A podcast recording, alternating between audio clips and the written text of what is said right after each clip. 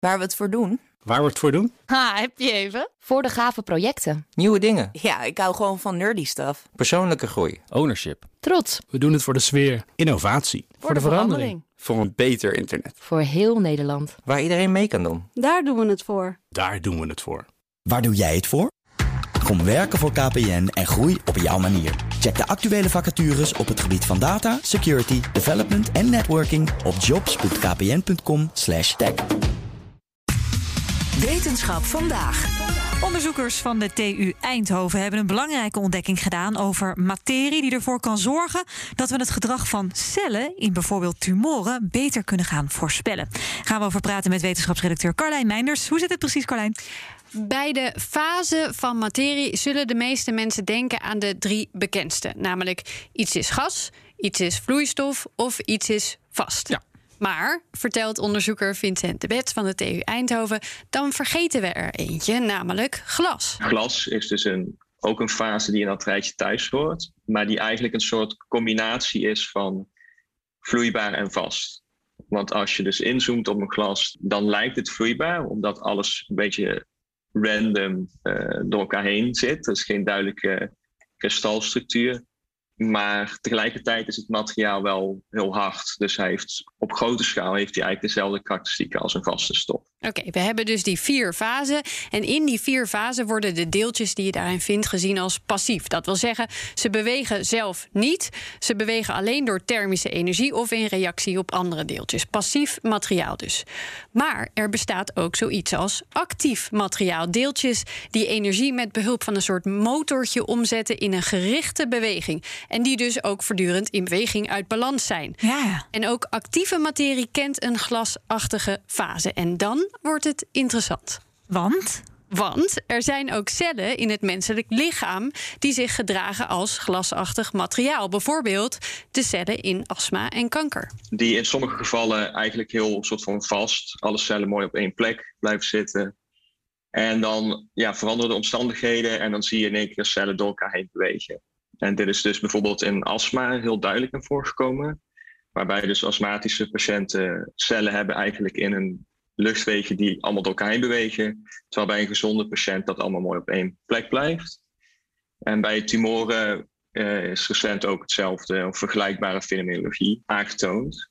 En vanuit een natuurkundig perspectief wekte dat dus bij ons interesse, omdat hey, een groep cellen die mooi bij elkaar blijven en dan gebeurt er iets en gaat alles elkaar bewegen.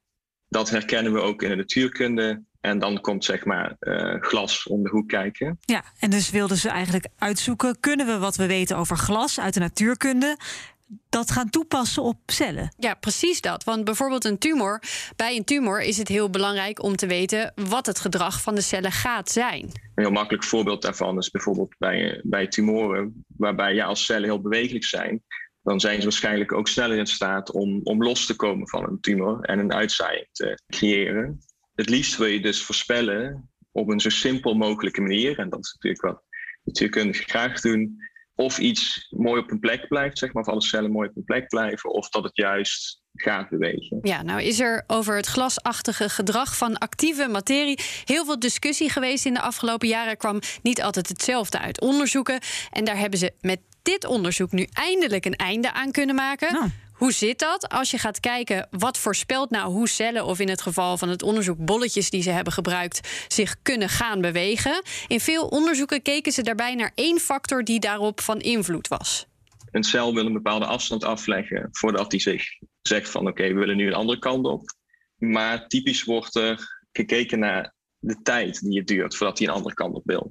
Dus die parameter die wordt meestal gebruikt om zeg maar, het gedrag in kaart te brengen. Maar met deze benadering kwam er uit sommige onderzoeken bij dezelfde tijd een andere uitkomst. Bij de ene studie werd het materiaal juist vloeibaarder en bij de andere juist vaster. En dus was het tijd voor een nieuwe aanpak. Wat wij dus hebben gedaan, is dus niet naar die tijd gekeken, maar juist naar die afstand die die aflegt.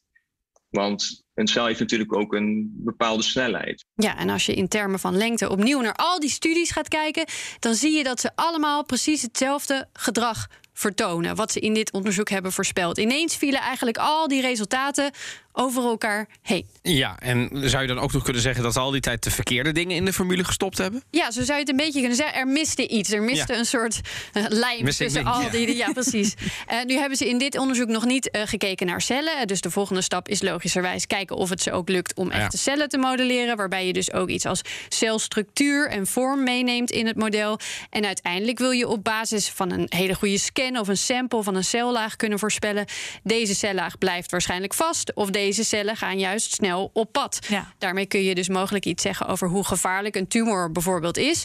En misschien kun je zelfs wel ontdekken hoe je de vorm en de ruimte om de cellen of de cellen zelf zo kunt beïnvloeden dat ze de kans überhaupt niet meer krijgen om zich te verspreiden. Ja, en dat zou heel erg mooi zijn voor de medische wetenschap. Ja. Wie weet wat je daar allemaal mee kan. Precies. Mooi, dankjewel Carlijn.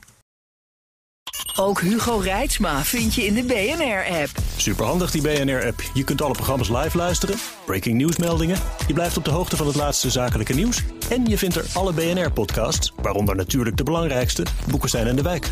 Download nu de gratis BNR-app en blijf scherp.